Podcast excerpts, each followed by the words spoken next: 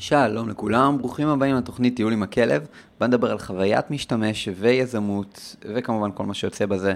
אני סגי שרייבר, המייסד של Pixel Perfect Magazine, וקו-מייסד של Hacking UI, וכעת זה גם ה full time job שלי. היום אני נמצא בסטודיו עם איתי אדם, שהוא יזם שבנה את עצמו מאפס. הוא בן אדם visionary אה, בצורה מטורפת. אתם תשמעו את השיחה איתו ותבינו בדיוק על מה אני מדבר. הוא היה המנטור שלי הרבה שנים, הוא גם זה שעזר לי לחשוב על השם Pixel Perfect. הוא זה שהקים את האפילי gang, מפגשים שהיו לפני UX and Beer, שהיו אה, בעצם לעולם ה marketing, כמו בירה ו marketing, ובהם, באחד המפגשים האלה, אני הודעתי גם על הפתיחה של Pixel Perfect. אמ, יש לי הרבה שאני חייב לאיתי מהקריירה שלי, כי הוא היה המנטור שלי הרבה שנים, הוא תמיד אמר לי להעלות את המחירים שלי, מתי לבקש העלאה.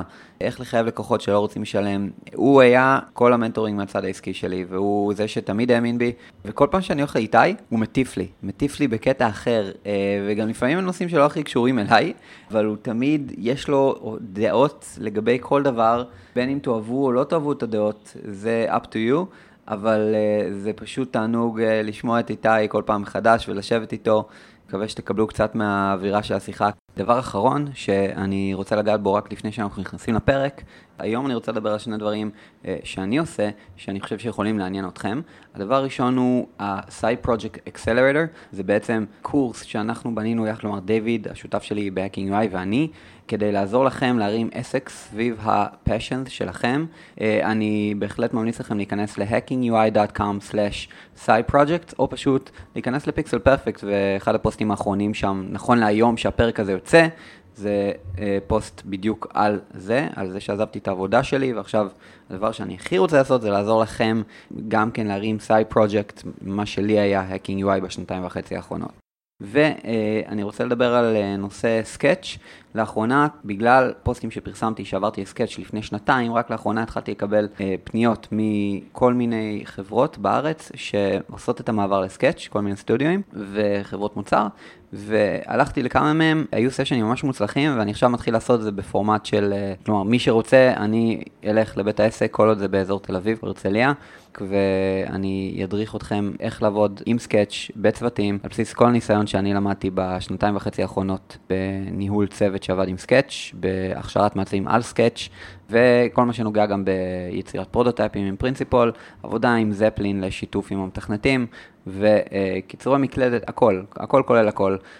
ומי שרוצה, שפשוט יפנה אליי דרך הצור קשר, מוזמן לקבל פרטים, וזה הכל. בואו נתחיל עם הפרק, תהנו.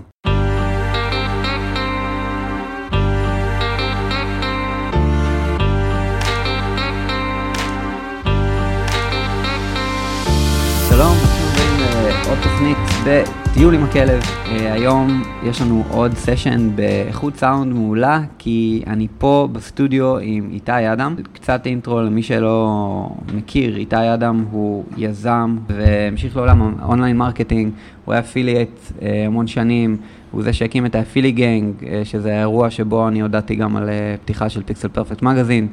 הוא אה, בן אדם שאני מעריץ, הוא היה המנטור שלי הרבה שנים, אה, גם בהתחלה. הוא אומר לי פה לעשות, להפסיק עם, ה, עם השבחים, אני לא יכול. אבל אה, כל פעם שאני מתיישב עם איתי, אז הוא, הוא מטיף לי על כל כך הרבה דברים. Uh, ואני פשוט הייתי רוצה שאתם גם כן תקבלו קצת, מ, קצת מאיתי אדם. אז uh, איתי, מה, מה קורה? היי, hey, תודה שגיא, מה שלומך? אז על מה אנחנו מדברים היום? אנחנו מדברים על בעצם כל מה שאתה רוצה, אני רוצה שזה יהיה כזה קו פתוח, אני לא, לא בא עם נושא מסוים, יש כמה נושאים שאתה דיברת איתי בזמנו ש, שאני חושב שיעניינו את הקהל, אחד מהם זה אה, כל עניין, ה, אני אקרא לזה ה solopreneur, אתה יכול לקרוא לזה שאתה רוצה, ה-one man show, זה שבן אדם היום אה, יכול להרים עסק באינטרנט בלי בעיה ולעשות לעצמו passive income, אה, זה שכל אחד מסוגל לזה. ופשוט אנשים לא מודעים לזה. אני זוכר שאז עשינו איזו שיחה, וזה כאילו, זה משהו שיכול מאוד מעניין לעניין את הקוראים. אה, יש גם את כל העניין של סטארט-אפים, כל העניין של אה, לגייס כסף, לעומת bootstrapping, אה, מה שתרצה. טוב, אז הייתי אומר, בוא, בוא נתחיל ב, באמת במה שאמרת, סולופרנור. אני כיזם... כבר uh, 25 שנה לערך שאני, שאני יזם. עברתי הרבה מאוד שלבים והייתי ב, וביקרתי בהרבה מאוד מקומות, מה שנקרא. לא למדתי, ואני מודה, אה, אולי גם באיזשהו מקום זאת הייתה טעות, לא יודע. אני רק יכול להגיד שאני למדתי את התכלס, ואני התחלתי בעסקים שהם אה, לא היו אפילו קשורים לאינטרנט, ובאיזשהו שלב פשוט אה, גיליתי את הדבר הזה שנקרא האינטרנט. אני חושב שהייתי בן, אה, בן 18 או 19 כשאיזשהו חבר אמר לי שיש ערומות באינטרנט. אני לא צוחק, זה מה שהוא אמר, יש ערומות באינטרנט, והלכתי ונכנסתי לכל אתרי הפורנו הלכתי, קניתי מחשב, את המחשב הכי יקר שיכולתי לקנות, והתיישבתי והתחלתי ללמוד. שילמתי במשך ארבע שנים הרבה כסף לכל מיני אתרים, ויום אחד הבנתי שאם אני משלם, אז גם אחרים משלמים, ואז אולי באמת יש כסף באינטרנט. אני מדבר איתך על ימים שאני בא לאבא שלי ואני אומר לו, אבא, יש לי את הדומיין shoes.com, זה עולה 149 דולר. הוא אומר לי, לא, אני לא מוציא כסף על שטויות כאלה. אבא שלך היה יזם כמוך? לא, אבא שלי היה, אבא שלי הוא אה, אה, שכיר.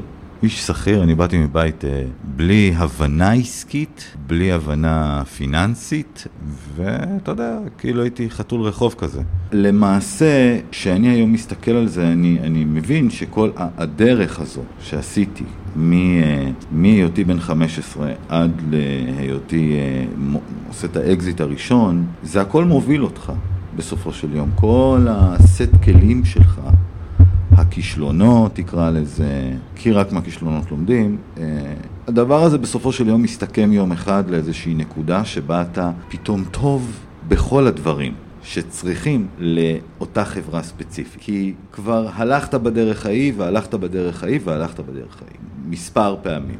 ככה שכשאני מסתכל על, אני, אני חייב, לה, אני מתעכב על הנושא הזה של סולו פרנור. כשאני מסתכל על הנושא הזה של סולו פרנור, אני אומר, תראה, אם הייתי יכול להמליץ לבנות שלי מה לא לעשות בחיים, אז הייתי אומר להם, כאילו, אל תהיו יזמיות. זה המקצוע הכי קשה שיש. אין מקצוע יותר קשה מזה. זה מקצוע נפשי, זה לא קשור בכלל לכסף. זה בכלל, האם אתה מקבל את הסיפור שהמציאות מכתיבה לך, או אתה מכתיב למציאות את הסיפור. ואם תרצה יום אחד נדבר גם איך, איך מכתיבים למציאות סיפור.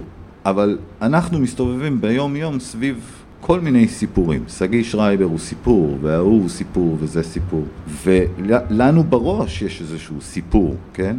והסיפור הזה הוא כאילו אומר לך מה סט היכולות שלך ומה אתה לא יכול לעשות, נניח. יזם אין לו את הדבר הזה. זאת אומרת, גם כשהוא מסתכל על, על... אם עכשיו מישהו היה בא אליי והיה אומר לי, בוא תקים עכשיו את SpaceX, אין לי מושג ירוק מה זה אומר אפילו. אבל הייתה לי עקומת למידה של שישה חודשים, כי יזמים יודעים כאילו לבנות את עצמם מהר. ואני מבטיח לך שהייתי יודע כאילו לשבת שם ולהחזיק את בהגאים. כי זה מסוג הדברים שלומדים עם השנים. אני לא מאמין בסולופרנור, ואני אגיד לך למה. את הכסף הגדול אתה עושה מקשרים, תמיד, בסופו של יום. הנטוורק שלך, זה מה שהופך אותך למי שאתה. יש איזושהי גישה של התכנסות פנימה בדבר הזה שנקרא סולופרנור. אתה יושב בבית, אתה עובד, יש בחוץ שמש, אנשים רצים, אנשים הולכים, יש עסקים, והחלונות שלך סגורים. יש בזה איזשהו משהו נפשי שאני עשיתי אותו שנים רבות, ובסוף הבנתי שהוא עשה לי לא טוב, אז בגלל זה גם עזבתי את זה. לא משנה כמה כסף עשיתי, זה מכניס אותך לאיזושהי פינה שבה אתה מנותק מהעולם. ובכדי לעשות ביזנס אסור לך להיות מנותק מהעולם. אלא אם כן הגעת לאיזושהי נקודה באמת של fuck you money, שאתה פחות או יותר כאילו יושב והדברים באים אליך. אולי תסביר רגע שנייה מה זה fuck you money לשומעים, כי לא כולם יודעים. fuck you money זה סתם מונח מגעיל. זה כאילו יש, יש לי כל כך הרבה כסף שאני יכול להתנהג לאנשים איך שאני רוצה או לעשות מה שאני רוצה. בדרך, אתה יודע, יש הרבה מאוד אנשים שיש להם, יש להם fuck you money, יש להם פי מיליון מ fuck you money והם לא מתנהגים fuck you money בדרך כלל. מי שמתנהג fuck you money זה כל הדושבגס הקטנים האלה בתעשייה שלנו, שכל העניין שלהם זה רק להוכיח את קיומם, הם עסוקים בשיווק עצמי, אז הם כאילו משחקים אותה. אני לא מדבר על אלה, אלה לא... אתה יודע, כשאתה מסתכל על זה אתה אומר, רגע, מה אנחנו באמת עושים? מי אנחנו? על מה האגו? על מה... מה אנחנו עושים, שגיא? כאילו, מה התכלס שלנו? אנחנו קבוצת אופורטוניסטים שזיהתה שניתן לייצר בכמות זמן, פרק זמן של שלוש שנים, סכומים שבשום תעשייה אחרת אי אפשר לייצר. ואז פתאום הכל נהיה נורא סקסי. מה שהפיל לאנשים בישראל את האסימון, שיש דבר כזה שנקרא אינטרנט, זה המכירה של ICQ.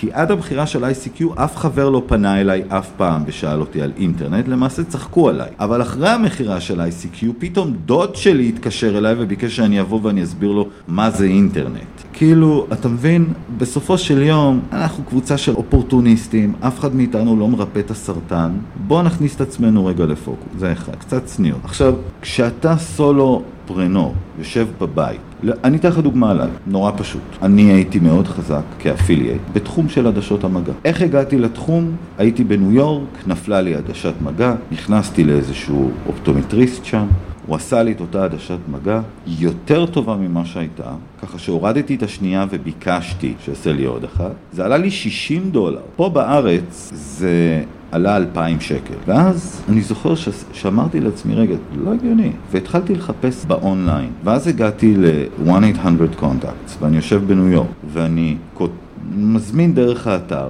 מגיע למלון תוך שמונה שעות לערך, משהו כזה, בערב, כבר הגיע למלון הקופסה, אני שם, אני בודק, זה היה יותר זול מהאופטומטריסט. אמרתי, תשמע, זה לא הגיוני, יש פה ביזנס מטורף. ואז התחלנו לצבור דאטאבייסים על דאטאבייסים על דאטאבייסים שקשורים בתחום הזה. התחלנו לפלח אותם ולשלוח להם מיילים וכל הנושא הזה, ו-PPC ו retargeting ו media והכל. עטפתי את ה user מכל כיוון אפשרי. ואז אתה מוצא את עצמך. כן, מכיר את האימייל.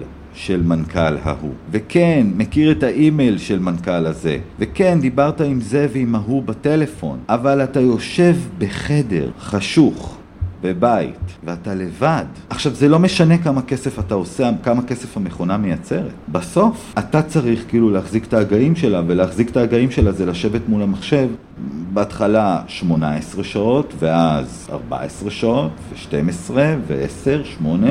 בסוף אתה מגיע לזה שאתה, יש שעתיים ביום, אתה באמת צריך להתיישב ולראות שזה עובד, אבל זה גם שעתיים שפתאום אתה מרגיש שאתה כבר לא יכול להיכנס לחדר הקטן הזה, לא משנה מה הגודל שלו. זו הייתה הנקודה שאמרתי שאפיליאציה סיימה, אני סיימתי עם אפיליאציה. זאת אומרת, עשינו שם יפה מאוד, ו- והבנו שאני הבנתי על עצמי שזה כאילו פחות מעניין אותי, product יותר מעניין אותי. גם התחיל להרגיז אותי העובדה שאני משווק למישהו משהו, ורק אה, בסוף הוא רואה את ה value האמיתי, זאת אומרת הוא זורק לי את ה-25%, 30% של ה rev share או whatever, העסקה, אבל הוא רואה את ה value בסוף, כאילו הוא הופך להיות Zappos, אז, אה, אז, אז, אז מה הבעיה שאני אעשה גם, כאילו?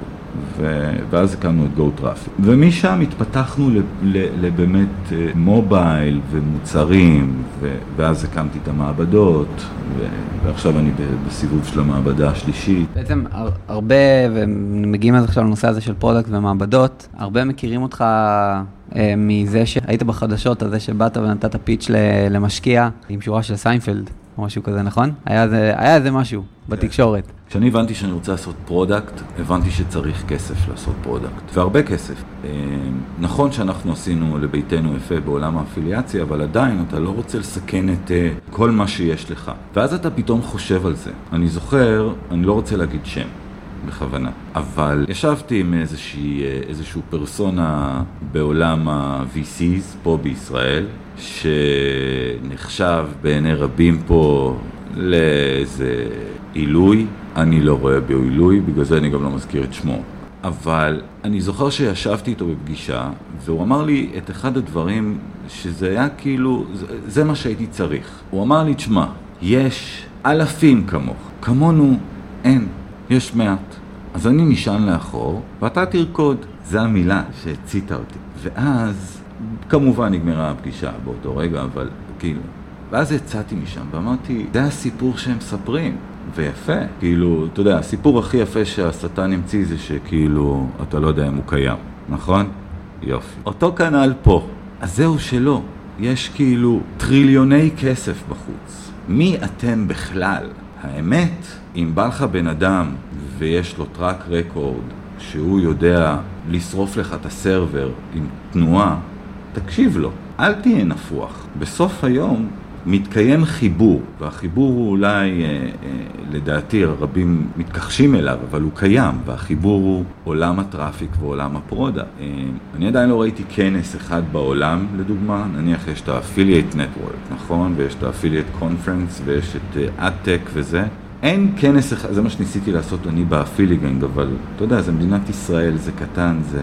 המקסימום שאתה מגיע פה זה 800 איש. אבל אין כנס שמחבר בין אנשי traffic רציניים ואיכותיים, שבאים כאילו זה העבודה שלהם, הם אוהבים את זה, לבין אנשי product. הרי מה אנחנו, למה אנחנו הולכים לגיוסי הון? בשביל מה אנחנו הולכים לגיוסים? בואו נשאל שאלה כזו. הולכים לגיוסים בשביל להביא כסף כדי לגלל את העסק שלנו, כאשר אין לנו את, ה... את הכסף הזה מבית. אתה הולך לגייס הון, כי אתה צריך לבנות מוצר. בשביל לבנות מוצר אתה צריך את סט הכלים הבאים, X, Y, Z, נניח, בסדר? אתה צריך. נניח אין לך שום סקיל, אתה יזם נקי, בסדר? אני מעצב, אתה מעצב, אנחנו עוד יודעים ליצור את הדברים שלנו לבד. יש אנשים שאין להם את זה, זה כאילו, לוקח להם שבוע רק למצוא את המעצב. אתה, אתה ואני בשבוע סיימנו את המוצר. עכשיו תחשוב איפה הם נמצאים. הם נמצאים במקום שהם באים למעצב, זה פגישה ראשונה. עכשיו נכנסים לתהליך, והוא מתחיל, בוא נעשה, כזה framework, אכ, אכלת לי את הראש, אח שלי, תקשיב, תוציא מוצר, אל תבלבל את המוח, בוא צייר לי רגע, שנראה מה זה שווה, משם נמשיך, נכון? כאילו, ככה אנחנו, כן, כן. אז היזם שבא נקי, הוא צריך מעצב, הוא צריך UX, הוא צריך UI, הוא צריך product, הוא צריך marketing, הוא צריך אה, פיתוח, הוא צריך אה, whatever, אתה יודע, הוא צריך סט כלים, שזה עולה לו כסף. אז הוא הולך ומנסה לגלגל את הכסף הזה על מישהו אחר עם יותר כסף ורצון בסיכון, בשביל אולי חלק מההצלחה אם זה יצליח לו. עד כאן אנחנו יחד? כן. עכשיו בוא נסתכל רגע על הנושא הזה. אם אני אומר לך שאתה הולך נניח ומגייס חצי מיליון דולר בשביל לבנות מוצר ראשוני, לפני marketing, לפני PR, לפני עלויות תפעול, לפני, עזוב, אתה מוצר איכותי. קח נניח מוצר כמו Any.do. בוא נפרגן למוצר הזה, בסדר? אני לדוגמה עומר פרצ'יק, בעיניי, נץ שרואה מגבהים שעוד לא... שמעטים רואים. יש כמה כאלה, אתה יודע, זה מיכה קאופמן יש לו את העין הזאת, ואתה יודע, כל ה... המיליה, אני לא יודע, אי אפשר להזכיר את כל השמות, אבל כאילו, יש אנשים באמת שיש להם את זה, הם פיין, מבינים את זה, נכון? יופי. כשאתה מסתכל על מוצר כמו אנידו, אתה אומר, בואנה, תשמע, בוא לא נבלבל את המוח, את האמת, תכלס, בינך לביני, כן? לא עולה לפחות חצי מיליון דולר, רק החשיבה על המוצר הזה? אתה מבין מה אני מנסה להסביר?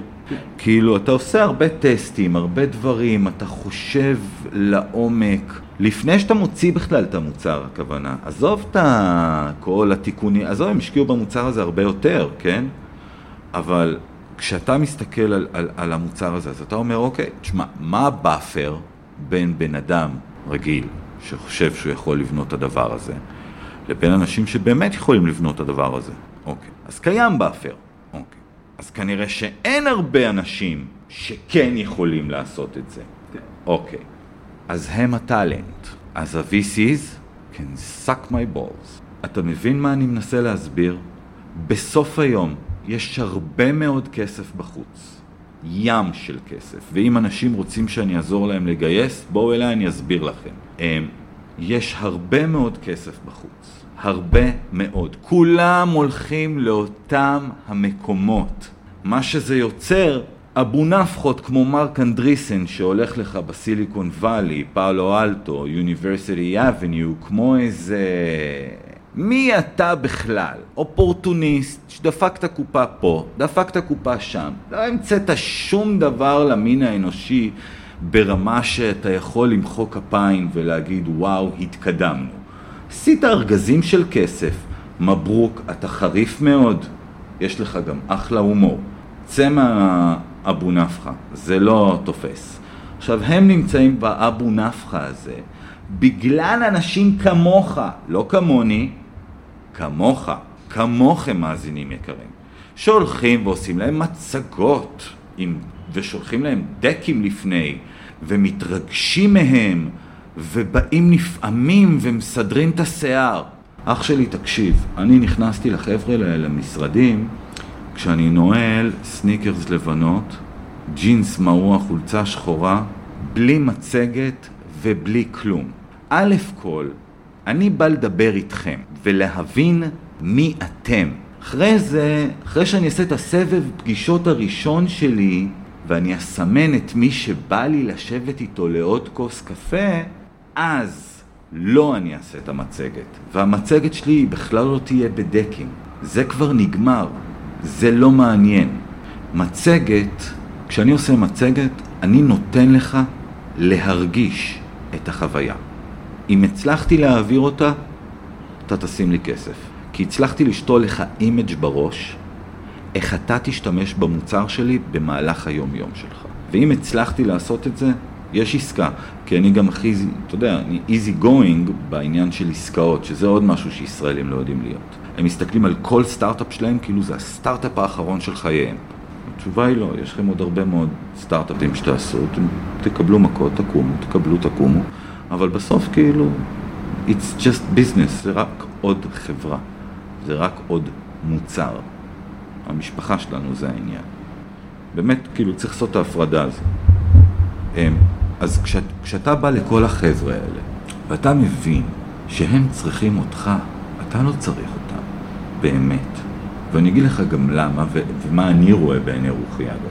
מה היה קורה אם עכשיו מאזינים ששומעים אותנו היו אומרים, בואנה, האיתי אדם הזה הוא סייקו, כאילו, סגי, תוציא אותי בכלל מהרשימה שלך, אנחנו לא רוצים, כאילו, זה... אין. אבל היה שניים שאומרים, בואנה, אני מבין מה הוא מדבר. אוקיי. אז אין לי רצון לדבר עם כל המאזינים שלך, יש לי רצון לדבר עם אלה שמבינים בדיוק מי אני, ולכן אני מדבר כמו שאני מדבר. ואגב, זה בסדר גמור, וגם אני, לגמרי, כשפתחתי את הפודקאסט הזה, אחד נראה לי אמרתי בתוכנית הראשונה, אני מדבר כמו שאני מדבר, ואני עושה מה שאני עושה, באיכות סאונד שאני עושה, עם האוזניות שלי, ואני מדבר עם אנשים שאני מדבר, ואני בא לדבר פה על דברים גם שלא מדברים עליהם בדרך כלל, אז כאילו, לגמרי אני איתך, אחי. סבבה. אז אה, אם אנשים שמקשיבים לנו עכשיו מבינים שהכישלונות שלהם זה הvalue שלהם, אני הרמתי קמפיין, אתה זוכר, לפני איזה כמה חודשים, שחיפשתי ביזדב. ואמרתי, אני רוצה ביזדף שהפסיד 20 מיליון דולר. רק מישהו שמחק 20 מיליון דולר יכול לבוא, and up, כאילו. כי בואנה, מישהו שילם את ה-20 מיליון דולר טעויות האלו. אתה מבין את זה? זה ה-value של האיש. הוא מביא value שהוא יודע מה התחושה של התרסקות מגבהים גבוהים. אז הוא ידע גם להזהיר אותך, ב, ב, הוא יסתכל קדימה, הוא יבין. אני אוהב רק אנשים נכשלים. כאילו מי שהצליח לו סטארט-אפ ראשון, ראשית כל, אני לא מקנא בו. צפוי לו, זה משהו שהיה לי, צפוי לו אחרי זה קושי רב, כי אתה לא מצליח בסטארט-אפ השני, ואז גם לא בשלישי, ואז גם לא ברביעי, וזה מתחיל להיות יותר ויותר קשה. פתאום אתה ממשיך, אז בשמיני אתה פתאום מצליח. אבל סט הכישלונות זה ה-value. אז כשאתה נכנס ל-VC, מה יש לך להתכונן בשבילו? מה זה VC? אני בא ואני קונה ממך הכסף. קונה ממך כסף. נותן לך, תמורת הכסף שתיתן לי, אחוזים במיזם שלי, בעסק שלי, בחנות המכולת, בחלק מרווחיי. אני קניתי ממך כסף, בהרבה מאוד כסף. אז מה אתה משחק אותה? עכשיו, יכול להיות שאתה לא מסכים עם הרעיון שלי. שהוא לא יצליח. לגיטימי. הלכתי, עברתי למישהו אחר שיכול לחשוב שהרעיון הזה כן יצליח. תנסה לדמיין 100 אנשים בתוך בית, 100 בחורות, ואתה זכר אחד, ואתה צריך להשכיב בחורה אחת. אתה לא צריך להשכיב את כולן, אז בראשונה אתה תפנה, תעשה בושות, בשנייה תעשה בושות, בשלישית תעשה בושות, ברביעית ובחמישית. מישהי תגיד לך כן, אתה, אתה מבין מה אני אומר? עכשיו, אם ת, תנסה לתחום את כל החבר'ה האלה, השחקנים שבאמת אולי שווה לעבוד איתם מבחינה כלכלית, תתחם אותם, אתה תראה שיש איזה, יש קבוצה של אנשים, שאם תרוץ ביניהם בפרק זמן קצר, הם כבר יתחילו לדבר ביניהם. יצרת להם באז, אני מספר לך פה סודות, כאילו, יצרת להם באז בלי שהם כאילו יכולים להבין אותו. אה, כן, הוא היה איתו, הוא היה את זה. הוא מחפש, הם מבינים שאתה מחפש, הם לא יודעים מי יסגור. ואז מתחיל כאילו, אנחנו נכנסים פה כבר לדברים, אה, לסודות מקצועיים. בוא, בוא נחזור שנייה לעניין הזה של הטאלנט. אז אני מנסה להגיד לך מפה, שבסופו של יום, הטאלנט הוא העניין. זאת אומרת, כשאתה נכנס, כשאתה הולך לגייס כסף, אין, אין כאילו את ההסתכלות הזאת של have some more. זה לא, זה הפוך, הפוך, גוטה, תהפוך את זה. עכשיו תיקח את זה ותחבר את זה למה שאני אומר לך על סולופרנור. שים לב, מה היה קורה אם שניים מהמאזינים שמקשיבים לנו היו אומרים, בואנה, תקשיב, אני מת לעבוד עם הבן אדם הזה. לא יודע מה הוא עושה, בוא נראה. ואז הוא היה כותב לי בפייסבוק והשני היה כותב בטוויטר. והיינו מדברים, ופתאום, גם אתה פתאום יושב פה, ו- ואיכשהו הוא מפתח, אתה מעצב, והיא עושה ביזדב. למה אני צריך קרנות? רק בגלל המשכורת. נכון? כי אתה, רוב החבר'ה, היזמים, כן? יש יזמים שכבר לא צריכים משכורות, תודה לאל. אבל אה, יש, רובם כן צריכים משכורות. אז הכסף הוא אך ורק למשכורת, נכון? כן. כלומר, משכורת וצמיחה בעתיד, אם אנחנו צריכים לגייס עוד עובדים, שזה בתקווה לא כל סטארט-אפ לא- יצטרך. זה, זה, זה, זה, זה לא מעניין אם תצליח לגייס עובדים ואם... לא, אני עוד לא מסתכל על הדבר הזה, אני מסתכל על הדבר הפשוט, שאומר, אנחנו יושבים פה עכשיו, אתה ואני, ואני אומר לך, יש לנו יכולת לייצר כל דבר. אנחנו שני אנשים, בן אדם. איך זה ייתכן בכלל? איך שני אנשים יכולים לייצר כל דבר אינטרנטי? זה הכוח שלנו. עכשיו, אני אומר לך שאם הייתי פותח עכשיו את המסך ואתה את המחשב והייתי אומר לך בוא תעשה לי פה את הדף הזה עם זה וזה, תחבר לי את זה ואני הייתי מחבר וזה שולח לו בערב כבר הייתה לך פה מכונה שמכניסה אלף דולר. כבר עשינו את זה בעבר. נכון, אבל אה, אז, אז, אז אתה ואני, תכלס, יכולים לצוד את מרכולתנו, לייצר אותה. למה אני צריך משקיעים? למה אני צריך קרנות? עכשיו, עזוב רגע, בוא נשים בצד את העובדה שקרנות, כקרנות, זה עניין של עשור, וזה לא קיים יותר. כי אין שום היגיון בהן, שום היגיון. אני עכשיו בנסיעה האחרונה שלי לארה"ב, ישבתי בכמה institutionals, ואמרתי להם, חבר'ה, תקשיבו, לדעתי, skip the VCs, כאילו, תפתחו מעבדה אצלכם. למה אתם uh, בכלל צריכים את ה buffer הזה? תקימו מעבדה אצלכם ותפנו לציבור שלכם ותגידו לו, אתם תבחרו איזה סטארט-אפ יצא. יש לכם כבר מיל... עשרות מיליוני לקוחות, שפרו להם את הפנסיות. אבל עזוב, זה pitch אחר שאני עשיתי שם באיזה... אבל בקיצור, מה שאני בא להגיד זה שההסתכלות של החבר'ה שיושבים ומקשיבים עכשיו, והם נורא רוצים ליצור דברים, והבאפר הזה של השכר החודשי שלהם, הקיום שלהם במדינה מאוד קשה לקיום, אה, שתוסיף עליה את האגו-מניאקיות של כמה טווסים שמסתובבים פה, ואתה מגלה שהם פתאום הרבה מאוד רעיונות לא יוצאים לפועל. ולא מתקיימים. וה buffer של אם תצליח באמת לעבור את כל המסלול ולקבל את הכסף, אז זה מוכיח שאתה באמת שווה, הוא buffer מטומטם, הוא buffer טיפשי שאין בו שום היגיון. זה לא מעיד על דבר. אתה שגיא, אני מכיר אותך טוב מאוד. אם אני אשים אותך עכשיו מול שולחן של חמישה מחוייתים ב-VC אמריקאי, רועדות לך הביצים, נכון? לגמרי. הוא מהנהן, לגמרי. יופי. למה?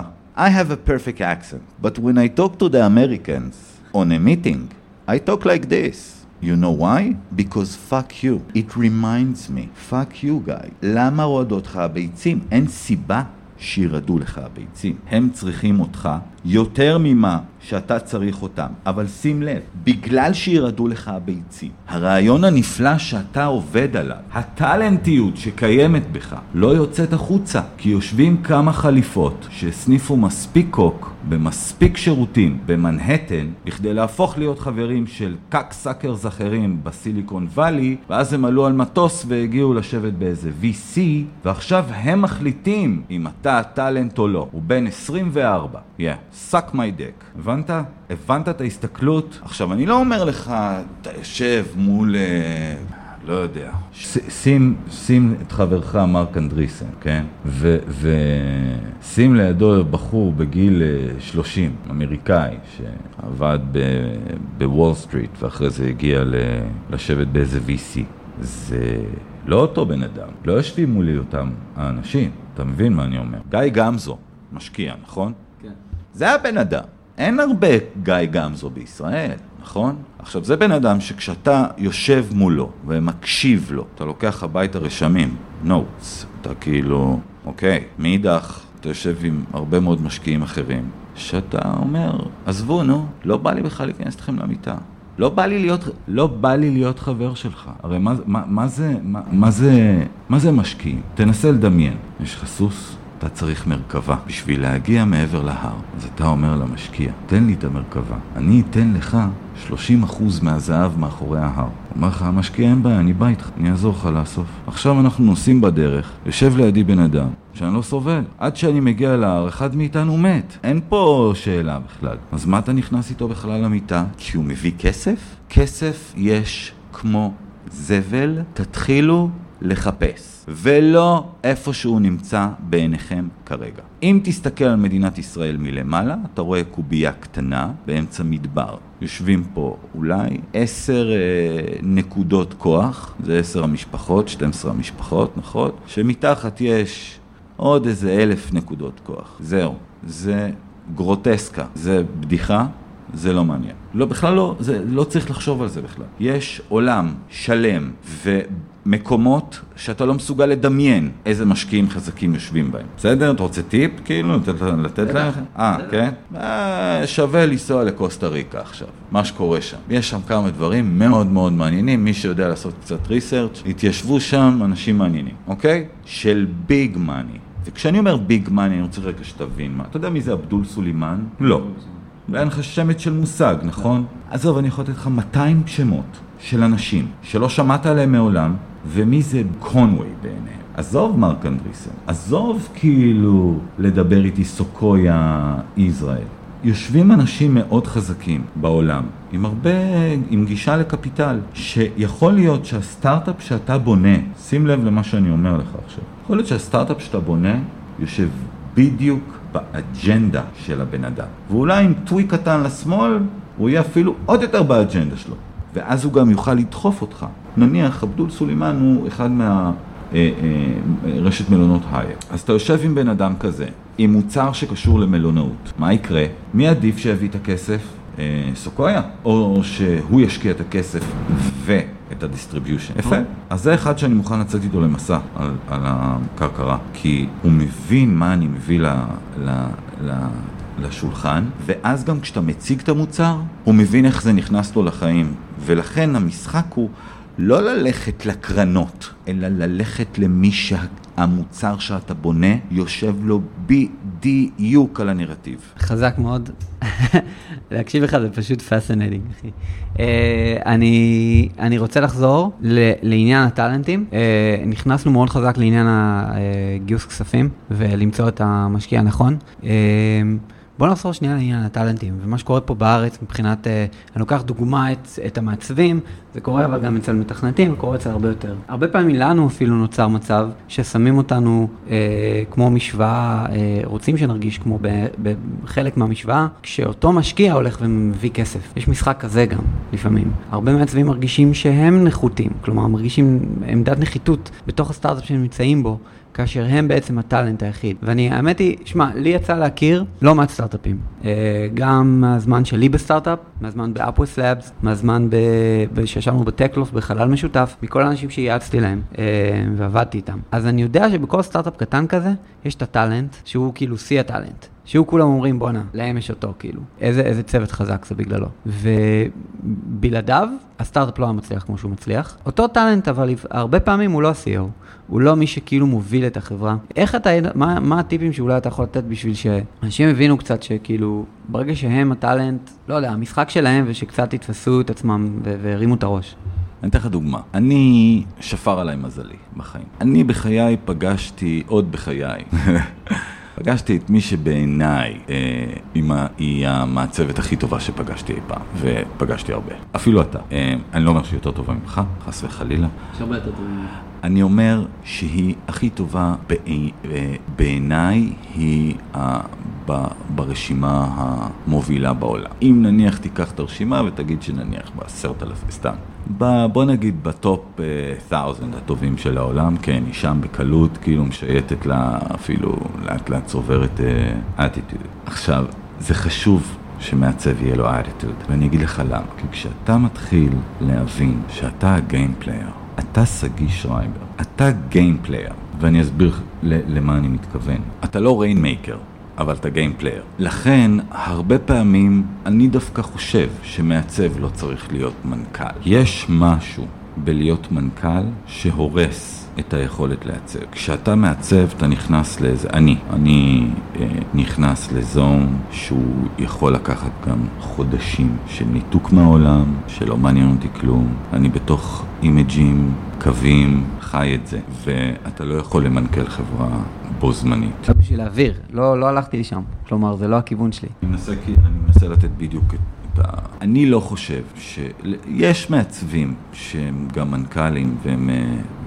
אבל Deep Down Inside הם יודעים, הם הסכימו איתי, שהם היו מעדיפים לשבת מול הכלי שלהם וזה. אה, זאת הסינרגיה המדהימה שיש לי למשל עם אלינור, שזה כאילו, אני, אני בא ואני אומר לה, אלינור, אני רוצה שהדף יהיה כחול, ייתן תחושה של כחול, לא בכחול. בלבן, אבל תביאי לי כחול. זה שיחות כאלה, כן? זה, אבל אה, זה עובד יפה. ואם הייתי צריך לעשות את שני, שני התפקידים, אז בשניהם זה לא היה עובד לי טוב. עכשיו אני רוצה להגיד לך משהו. היו לי הרבה שותפים בחיים שלי. הייתה לי בחירת שותפים, נגיד ככה, בתחילה אה, היא הייתה גרועה מאוד, אז היא הפכה להיות גרועה יותר, נהייתה קטסטרופלית, ואז התחילה להיות בחירה נכונה של שותפים. תשמע, אני עשיתי איזה 19 מיזמים, אז כאילו, היה לי הרבה שותפים בחיים שלי. אני חושב שפעם ראשונה שיש לי שותף עכשיו, שהוא, זה כל העניין, לא צריך יותר מזה. זאת אומרת, היא מעצבת, אלינור מעצבת, והיא כאילו, אה, אה, זה בדיוק מה שאני אומר לך. אנחנו יושבים ואנחנו בונים מוצר. כשאנחנו סיימנו לבנות את המוצר, המוצר עובר למפתחים. אני לא עובד במקביל. אני מבין שאנשים יכולים להגיד מה שהם רוצים בשיטת העבודה שלי, זה בסדר, אני עובד ככה. אני מכין מוצר שלם, מכין מוצר שלם, כולל המיילים שנשלחים מהזה וזה. זה נשלח לפיתוח, פיתוח מחזיר, זה אנחנו צריכים לתקן פה, אנחנו צריכים לתקן שם, אנחנו, זה אי אפשר לעשות, זה ככה, כל מיני כאלה.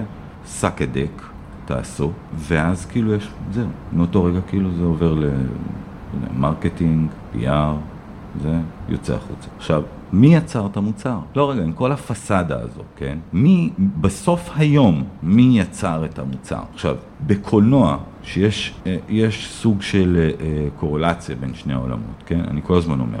אני בונה סטודיו, אולפני סרטים, כמו שבאולפן יש סטודיו אולפני סרטים, לי יש סטודיו לפיתוח אפליקציות. שאני מסתכל על אפליקציה כעל feature, כמו סרט. אני משיק עשר אפליקציות בשנה, אחת תופסת, מכניסה את הכסף שהיא צריכה להכניס, ומכסה על כל שאר. זה המבנה. הם עובדים במבנה הזה, הם מבינים את המבנה הזה, הם חיים את המבנה הזה. כל הוליווד היא המבנה הזה. אתה לא יכול לבוא ולהגיד שהבמאי, שהוא ה-CEO, יעני, יעני, הוא למעשה ה product, אוקיי? הבמאי הוא למעשה ה product. אתה לא יכול להגיד שהוא, אה, אתה לא יכול להגיד שהוא זה לא הסרט. אין, אין מפיק. שיש לו אומץ להגיד את זה. אין. ומפיק, אגב, זה בסך הכל היזם, שאמר, יש לי רעיון נפלא לסרט אה, של כריש גדול רוצה לאכול סירה. בואו נביא את סטיבן שפילברג. מי עשה את, מי עשה את אה, אה, מלטעות, כן? מי עשה את מלטעות? מי היה המפיק? אה, אתה מבין? אתה לא זוכר מי היה המפיק. אתה מבין כאילו את הבדיחה? עכשיו, אנחנו נכנסים לעולם הזה, שאנשים מתחילים להבין שהחבר'ה שמקשיבים לפודקאסט הזה שלך, הם המאדר פאקר. הם העניין. העניין הוא שאתם לא יודעים לדרוש את מה שאתם צריכים לקבל. כמה היום השכר של מעצב? 20? 25? 35? הרבה, הרבה פחות. עשינו סקר משכורות לא מזמן, אני לא, הוא לא מול העיניים שלי כרגע, אני חושב שהממוצע הוא משהו כמו 12. אז תראה, בוא, בוא נעשה רגע, אה, בוא נעשה הבחנה, שנייה, שלא יצאו עליי כולם. יש ביצועיסט, שזה, אתה יודע, בוא, אתה לא talent, גם ב...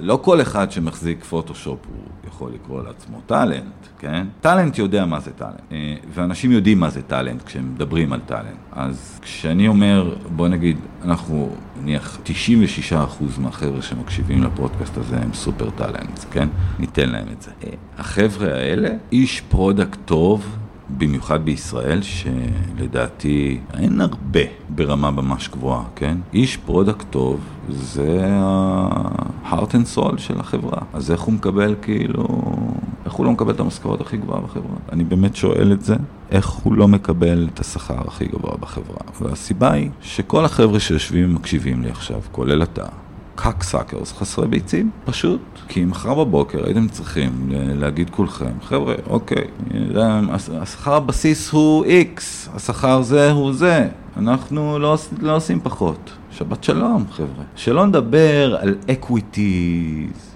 ו options, ואני כאילו, אתה יודע, יבואו הרבה מנכ"לים ויגידו לי שמה אני מזיין את השכל, או זה לא, שזה לא נכון.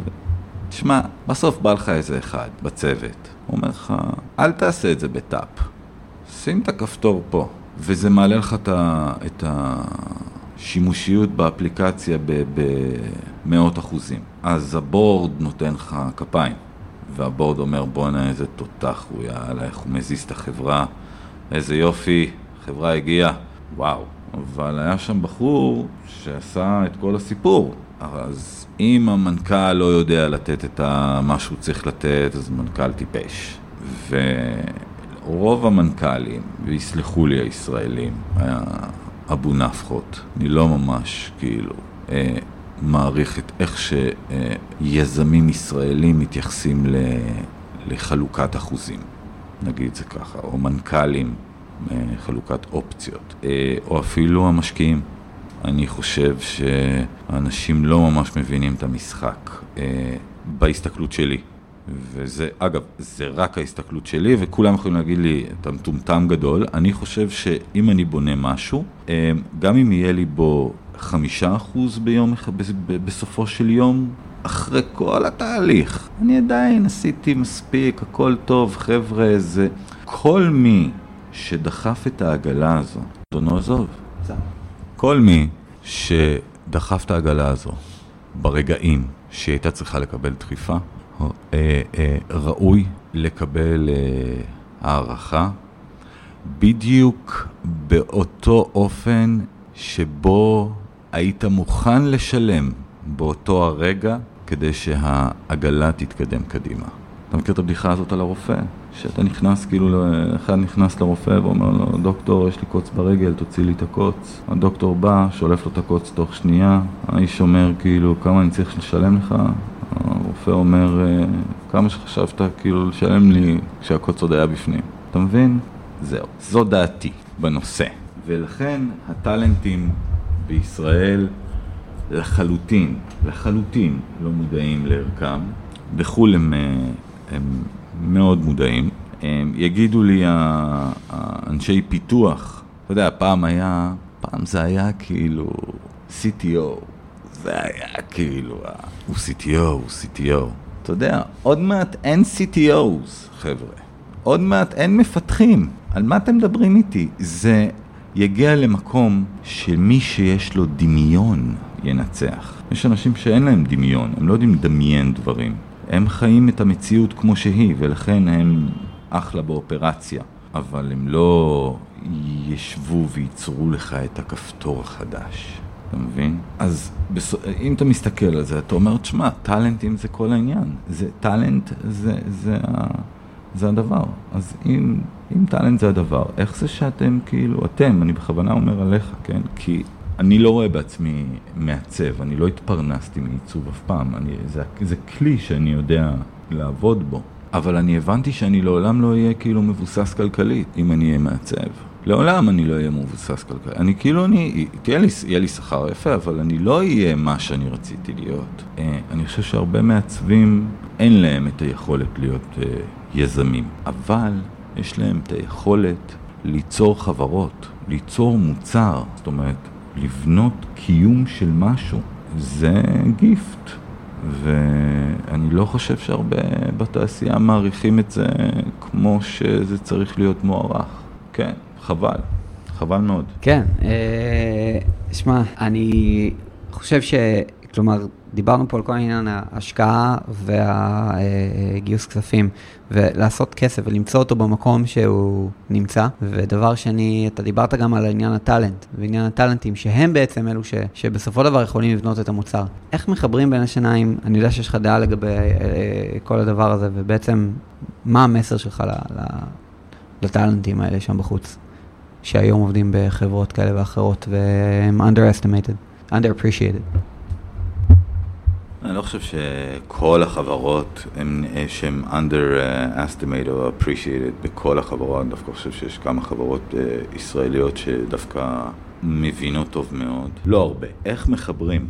תראה, אני אגיד לך משהו, אני נמצא עכשיו לדוגמה ב- בתוך איזשהו uh, תהליך שאני מקים uh, מעבדה חדשה, שכל הקונספט שלי הוא להביא כמה שיותר אנשים שהם uh, מוכשרים ולהגיד להם uh, roll, כאילו, יאללה, נועה, יש לכם את uh, התקציב הזה והזה, לכו תרימו. אני עדיין, אני עדיין יכול להגיד לך שהייתי מעדיף כאלה שכבר הרימו ונכשלו מספר פעמים. עכשיו, טאלנט, תראה, בוא נגיד דבר כזה. יש כמה אנשים שאני מכיר שיודעים לכתוב תסריט, לסחור צוות, לצלם, לערוך, לכתוב פסקול שלהם, לכתוב קוד, לעשות דיזיין, one man show. לוקח לו הרבה יותר זמן משאר הסטארט-אפים לצאת החוצה, אבל הוא בערך מוציא פעם בתשעה חודשים מוצר לבד, אין לו משקיע. למה? כי גם, הוא יודע גם לעשות קוד, גם זה, גם זה, גם זה, גם זה. אתה, זה טאלנט. אתה מבין את הכוח של זה? בעצם מה שאתה אומר, זה סופר טאלנט. אם אנחנו נכנסים לשנייה מה זה טאלנט, אז בעצם זה, זה בן אדם שהוא, לא משנה באיזה skills, אבל הוא full stacked, כלומר יש לו מספר כישרונות. אה, דיברנו על אוטודידקטיות, על זה שהבן אדם צריך אה, תמיד, כלומר, הוא צריך אה, להיות בן אדם שממציא את עצמו כל פעם מחדש, והוא צריך להיות full stack שיהיה לו מספר כישרונות, או כלומר, מה עושה talent? אני חושב ש talent זה מישהו שבסופו של יום יכול להביא אה, עם אה, סט של סקילים, לא אחד. תראה, אתה יכול להיות מעצב, רק מעצב, כן? אבל אתה טאלנט, אתה, איזה, אתה מעצב אחר, אתה, מי, אתה עושה אינטרפטציה לדברים בצורה אחרת. אה, אז אתה, אתה סוג של טאלנט לעיצוב, אבל יש גם סופר טאלנטס, מה שנקרא, אתה יודע, כאלה שהם יודעים גם לערוך ולצלם ולכתוב ומוזיקה וקוד ומה זה מוצר אינטרנטי? זה פיקסלים, נכון? זה image, זה voice וזה טקסט. זהו. מישהו שיודע לעשות את סך הדברים האלה ולכרוך אותם בתוך סיפור נכון, שים לב, אמרתי לך בהתחלה, כאילו הוא יודע לכתוב תסריט, כי הכל מתחיל בזה.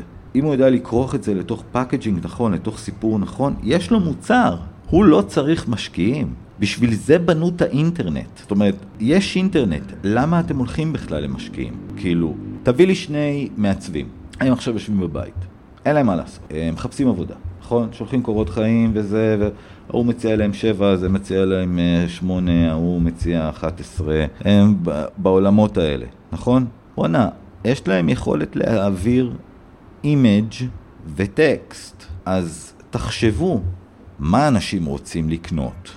תבררו איפה קונים את זה הכי זול, ותתחילו לפתוח לכם בסטות על האינטרנט. אז אתם לא תקימו את הפייסבוק הבא, אבל אתם תביאו את האלפיים דולר בחודש, שיהפכו להיות ארבעת אלפים דולר בחודש. שפתאום יהיה לכם קצת יותר space וקצת יותר זמן לחשוב, ובאיזשהו שלב תוכלו לעשות את הטרנזקציה הזו. כשתעמדו על הרגליים מספיק טוב, לעבור, מה שנקרא, לעולם העצמאי. כי אני אומר לך, עם הזמן הביצועיסטים ייעלמו. ביצועיסטים ייעלמו עם הזמן.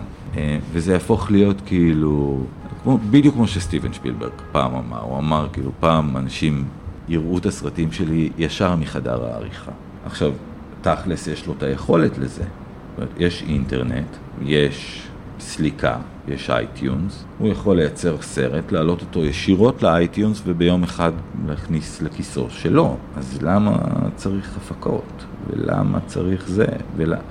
אז כן, בהוליווד כשאתה צריך להרים סרט ב-180 מיליון דולר או 300 מיליון דולר, whatever, אתה מכניס משקיעים.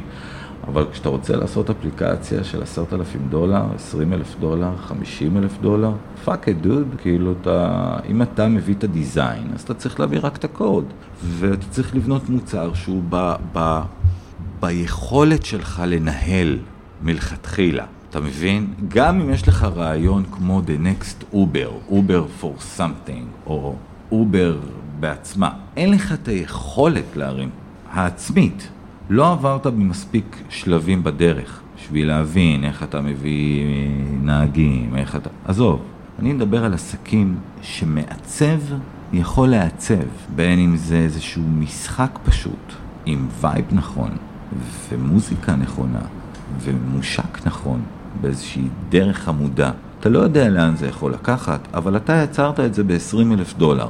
אם יצרת את זה ב-20 אלף דולר, כנראה שאתה תחזיר את הכסף.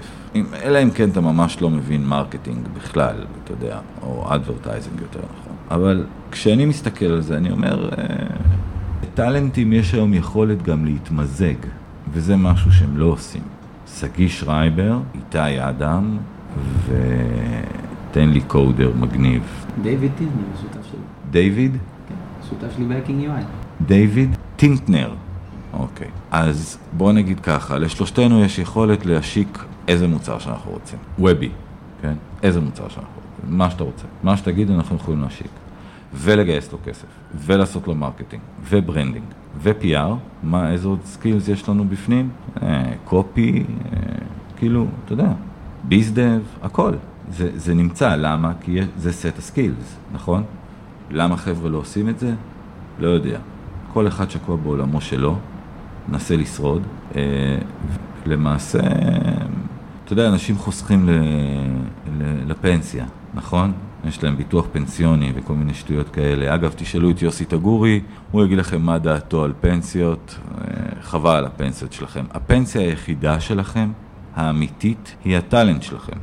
זה הפנסיה שלכם. התברכתם ב- ביכולת מסוימת שאתם תצטרכו לעמוד to keep pace, מה שנקרא, אתה יודע, בשינויים, שזה עוד מעט עובר ל-VR וזה, אתם תכף הופכים להיות לא רלוונטיים, כן? אל תתבלבלו. אז אתם צריכים לעשות את ה-transition לעולם הזה. אבל אם אתם, if you keep pace, אז, אז, אה, אז אתה, זה הפנסיה שלך. כי אתה תמיד תוכל ליצור בסוף משהו שאם תנהל אותו נכון ואם תעשה את ה-marketing שלו נכון, תוכל להכניס לביתך כסף יפה. אה, אני יכול להגיד לך שאפשר לייצר, נגיד דבר כזה, ובטח יקפצו עליי לא, לא אחד ולא שתיים בבוז וכאלה. בסדר, fuck you. יש תמונות, אתה יודע, אפשר להוכיח. אם מישהו מבין מה הוא מטרגט, אם הוא מבין בדיוק איך הוא רוצה לטרגט את זה, נניח שאתה מבין שיש לך מוצר לעשרת אלפים איש בעולם. What are the odds? Nothing, נכון? ונניח אני הייתי אומר לך שמצאת את הדרך, ישבת וחשבת וחשבת וחקרת ודיברת, מצאת את הדרך להגיע רסמי לכל אחד מהעשרת אלפים איש האלה. אתה יודע שהעשרת אלפים איש האלה, הם אוהבים קרמבו ורוד, אבל מדבקות של קרמבו ורוד, יש להם פטיש לזה, נכון? קנית דירה בישראל. אתה מבין את המשחק של עולם האפיליאציה? זה לטרגט נישות צרות, לא רחבות, עם צורך, תראה, היום אתה יכול להשיג הכל, נכון? אתה יכול להשיג מה שאתה רוצה, יש באמזון, אז למה שתקנה ממישהו אחר? אלא אם כן זה משהו מאוד ספציפי, ויש כל מיני דברים מאוד מאוד, מאוד ספציפיים. הרבה, תתפלא, אתה לא תאמין כמה דברים ספציפיים יש. זה, לא צריך יותר מזה. זאת אומרת, אם עכשיו החבר'ה שיושבים ומקשיבים לי מבינים, מפנימים פנימה, שרסמי, כן, יש להם יכולת לייצר 250 אלף דולר בשנתיים. אתם עוד פה, פטרו אידיוטים. רסמי ככה. יש חבר'ה שיכולים לייצר דברים לנישות צרות. אז למה אתם... אז עוד פעם, זה כאילו בוטסטראפ, סולופרנור, led by a talent. אתה מבין מה אני... כאילו, זה חיבור, מישמש אחד של כל העולמות שבהם אנחנו חיים, לנקודה שבה באמת אתם יכולים כאילו לחבר את הקצוות שלכם ולייצר מוצר. את המוצר הזה פשוט אפשר למכור, ואם לא הצלחתם אז עושים לו טוויסט, ומנסים למכור שוב, ולא הצלחתם תעשו עוד טוויסט. טוויסטים. טוויסט זה כאילו, זה לא pivot, זה בדיוק העניין, לא, זה storytelling. תקשיב אחי, אנחנו עושים storytelling. עכשיו אנשים מדברים על זה, אבל הם לא מבינים מה הם אומרים בעצם. storytelling זה מה מסתתר מאחורי הסיפור של האפליקציה. תקשרו סיפורים לדבר הזה, כי זה נורא מעניין אחרי זה. ואז, ואז אתה יכול לשנות כל פעם את הסיפור של האפליקציה. בנית אפליקציה שהיא בצבע ורוד, לא יודע, יצא לה סיפור חדש, תוציא אותה בצבע אדום. What do you know? test, test, test, test, test, test. בסוף משהו עושה ping, ו-ping בעולמות של רשת, זה יכול להיות דירה בישראל. לא אמרתי לך, תעשה 100 מיליון דולר, או תהיה מרק צוקרברג הבא, אבל אמרתי, תשמע, תוכל אה, בתקופה של אה, שנתיים לדעתי, להשתפשף, להבין, ימין, שמאל, וזה, ליפול, טה, טה, טה, לעשות. כי אפילו פרויקטים צדדיים, אבל לשמור על הקצב שכל חודש לשחרר משהו ולהוציא ולעשות וזה, בתקופה של שנתיים אתה, תשמע, אתה מייצר הון, אין שאלה. כן, אני לגמרי, אני יכול להתחבר לזה בתור אחד שלא ייצרתי הון ולא עשיתי מוצרים יותר מדי, אבל גם בתור סייד פרויקט שהרצתי עכשיו שנתיים וחצי, ועכשיו אני עוזב את העבודה שלי בשביל לעשות את הפול טיים. אז uh, לגמרי יכול להתחבר. אני לא זוכר מאיפה התחלת. אני זוכר כאילו את הימים, מאיפה התחלת ואיך התחלת, וכן, אז כאילו עשית את ה... עשית דרך... אה, דרך אה, מטורפת, אבל אתה מבין לחלוטין מה אני, על מה אני מדבר, אתה מבין? כי, כי עברת בה. פיקסל פרפקט, הגינו את השם אצלי בסלון, אני חושב, נכון? התחלת שם, ולאט לאט התפתחת, ועברת לעוד דבר, חטפת פה, חטפת שם, הבנת, שפצרת, היום אתה כאילו פתאום עומד על הרגליים ויוצא כאילו למק... לעניין שלך, זה בדיוק מה שאני מסביר פה ל... לקהל המאזינים שלך, שבסופו של יום יש להם את היכולת לעשות את זה. לגמרי. אני, זה כל כך מתחבר גם לכל מה שאני עכשיו רוצה לעשות בתור, ה, אה, בתור מה שאנחנו עושים ב-Hacking UI, ואנחנו אה, מתכננים להשיק איזה תוכנית mentorship ל-side projects בשביל זה, בשביל לחדור למודעות של אנשים ולהגיד להם שהם יכולים לעשות את זה, שזה לא כזה farfetched. אם אתה טאלנט ויש לך את היכולת ליצור מוצרים דיגיטליים, או אפילו קהילה סביבך, אני לגמרי חושב שזה משהו שצריך לעשות וזה בשביל הנשמה רק, זה, זה, בהמשך זה גם מביא את הכסף, שייתן איכות חיים. ועוד משהו שאני רק אוסיף, תגיד לי אם אתה רוצה אחרי זה להוסיף עוד משהו על זה, אבל כאילו אתה דיברת על, שוב, אמרת דירה בישראל. אנשים לא קולטים בכלל מה זה דירה בישראל, הרבה פעמים, הם כאילו... הסיפור שאנחנו מספרים לעצמנו כשאנחנו צעירים זה, אני אגיע למיליון דולר עד גיל 30, או אני, אני אעשה עכשיו, אה, אה, לא יודע, אני אעשה אקזיט מטורף, כאילו, וזה הרעיון, כאילו, אני עכשיו הולך בשביל כל הקופה. ובשביל זה גם אני אקח כסף להשקעה כדי לגדל חברה שתהיה בסוף, לא יודע, unicorn או מה שזה לא יהיה. כלומר, הגישה, המרוץ אחרי הקופה הענקית הזאת, הוא לא בהכרח מה שטוב לרוב האנשים. רוב האנשים... אה, הם, הם לא קולטים שיש גם את הסיפור השני, את הקטע של אני רוצה להתבסס בסבבה, אני רוצה זמן עם, ה, עם הבנות, עם הילדים שלי, אני רוצה זמן כאילו איכות חיים שתתמוך במה שאני, לחיות בצורה די, די, לא, לא, לא, לא too much fancy, אבל כאילו מספיק טוב בשביל שאני אצא למסעדה מתי שבא לי, אה, ואני אלך ויטוס לחו"ל מתי שבא לי. וזה אפשרי לגמרי בלא כל כך הרבה עבודה. כלומר, אפשר לעשות את הדבר הזה בצורה פסיבית. לא. אה, כלומר, אקטיבית פסיבית. כלומר, מה שאני אומר, שבונים מוצר באינטרנט, וזה מה שאמרת, כאילו, אתה מתחיל לעבוד עליו 18 שעות נכון. אה, בשבוע, ואז אתה יורד ויורד ויורד ויורד, בסופו של דבר אתה עובד עליו, לא יודע מה, שעתיים בשבוע, ואתה יכול לאן to the next thing גם. 18 שעות ביום, סליחה. אז, אה, אז כן, אז אני לגמרי מאמין ב, ב, בכל מה שאתה אומר פה. אני, אני אגיד לך משהו. אני חושב מה, מהמקום הזה של כסף, כסף, כסף. תן לי להגיד לך רגע. ראשית, לא דיברנו על כסף במהלך השיחה הזו, מבחינת, לא יודע, דיברנו על איך מגייסים אולי כסף, אבל, או גישה לגיוס כסף, יותר נכון. כאילו- אבל, תשמע, כל המרדף הפסיכי הזה שיש לאנשים על כסף, יום אחד, אולי, יהיה להם. ואז יהיה להם ואקום שהם לא מסוגלים להבין אפילו.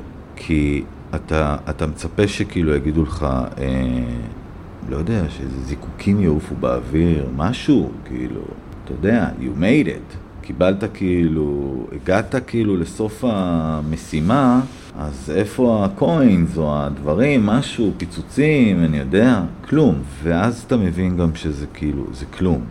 האנשים שאומרים שהם רוצים לעבוד, מה שנקרא, לצאת להיעדר בגינה ולמכור את מרכולתם, לעבוד שש שעות ביום ולהיות עם משפחתם, הם אנשים הרבה יותר בריאים בראשם. משאר האוכלוסייה. אה, אלה האנשים שמעניינים אותי כאדם. אגב, המשוגעים שימכרו את אימא שלהם בשביל כסף, זה אנשים שאני לא, הם, הם לא בעיניי. ואני חושב שהעולם לא עוצר רגע לחשוב בכלל מה, מה הוא עושה, אה, כי אין לו זמן לחשוב. אנשים נמצאים במרדף משוגע. ו- ו- ואז נוצר מצב שכל היום אנשים, כל התעשייה הזו, כן, מתנהלת סביב הדבר הזה שנקרא כסף. עכשיו, כולנו נכנסנו לשם בגלל הדבר הזה, האופורטוניזם הזה שדיברתי עליו בהתחלה, אבל העניין הוא שבאיזשהו שלב אתה מבין מה אתה כן טוב, במה אתה טוב בתעשייה הזו. אז אתה ראית איך הטובים כאילו עלו למעלה, לא משנה מה קרה להם בדרך, כן? כאילו, כישרון זה כישרון, אין, אין מה לעשות, הוא יצוף בסוף. אז אתה רואה אפילו כאילו late bloomers, אתה יודע, של 43 ו-4 ו-5, שעושים עכשיו רק את הדבר, אה, עכשיו הם מקבלים כאילו את הרגע שלהם, כן? הם, הם נתנו שנים רבות לדבר הזה. אבל אלה שלא היו מספיק טובים נפלטו החוצה. הם לא, לא, עומדים, לא עמדו בדבר הזה. ואז אתה יורד כאילו ומנסה להתחיל להבין למה החבר'ה שהצליחו, הצליחו. וזה אף פעם לא בגלל כסף. אף אחד, אף אחד לא הצליח לעשות כסף בשביל לעשות כסף. לפחות אף אחד מי שאני הכרתי, בסדר? אני בטוח שיש הרבה מאוד אנשים בתחומים אחרים שעשו כסף בשביל כסף, כן? כל עולם הברוקרים זה כסף בשביל כסף. אבל בעולם שלנו, שזה עולם יצירה, אם המטרה שלך היא לעשות כסף, אתה לא תהנה ממנה באמת. אתה יכול להיות שאתה תעשה, אבל אתה לא תהנה ממה שאתה עושה, זה יהיה סבל. אני, כשאני יושב לעצב מוצר, זה בשבילי, זה יותר מכל דבר אחר. אני מנסה להתבטא בצורה מאוד יפה. זה יותר מכל דבר אחר. זה נתק מהעולם, זה, זה, זה חוויה. ובגלל זה אני מאוד נהנה מזה, וזה גם הולך לי, זה יוצא לי טוב. כי אני מתיישב על המחשב לספר סיפור. זו המטרה שלי. וככה אני ממש כותב עסק שלם. זאת אומרת, כל הפלן זה סטורי. כתשובה אחרונה למה שאתה אומר, דווקא מה שאתה עכשיו מצליח לך עכשיו, כן, בסיבוב הנוכחי, אתה לא עשית את זה בשביל כסף. אתה עשית את זה כי אתה אה, נהנית מזה, ויצרת משהו שאנשים פתאום נהנו ממנו. למה? כי יצרת משהו שאתה נהנה, אז יש עוד רבים כמוך שנהנים מאותה רמה. ופתאום יצרת משהו שאתה עצמך אה, משתמש בו, ונהיה לך חוויה מזה. החוויה מועברת הלאה לעוד אנשים, שאיך בני האדם היום מוחאים כפיים? בשטרות. אה, ו- ו- וככה לאט לאט אתה למעשה מקבל עוד ועוד כפיים לעבודה שלך. זה שם המשחק. אז מישהו שלא אוהב את, ש... את, את, את התחום, שלא יהיה בתחום הזה, כי זה תחום, זה הבן של השטן, התחום הזה. כי אתה יכול, אתה יודע, אני אספר פה, כאילו, קרה לי ששבועיים אה, לפני השקת סטארט-אפ הוציאו בדיוק אה, את אותו סטארט-אפ. אבל אני לא אומר לך בדיוק, אני מדבר איתך ברמה שאפילו בחרו את אותו tone of voice למיילים. עזוב אותו צבע, עזוב אותו אייקון. עזוב, כאילו ישבו לי על המחשב וראו מה אני עושה. עם טוויסט לפה וטוויסט לשם, לא שעשו את זה, כאילו, קורים דברים כאלה. וזו התעשייה הכי אכזרית שיש בעיניי, כי אתה נותן את הנשמה שלך למשהו, שמישהו כאילו יושב איזה כתב בטקראנט, נוצר לו משהו, ביי. ואתה כאילו, תגיד, אתה נורמלי? אני עבדתי, אני כאילו, אני... מה אתה משהו? עכשיו, למה הוא אומר שזה מוצר לו משהו? כי הוא שבע. אם היית מראה לו את המוצר הזה לפני ארבע שנים, הוא היה מקשקש בזנב.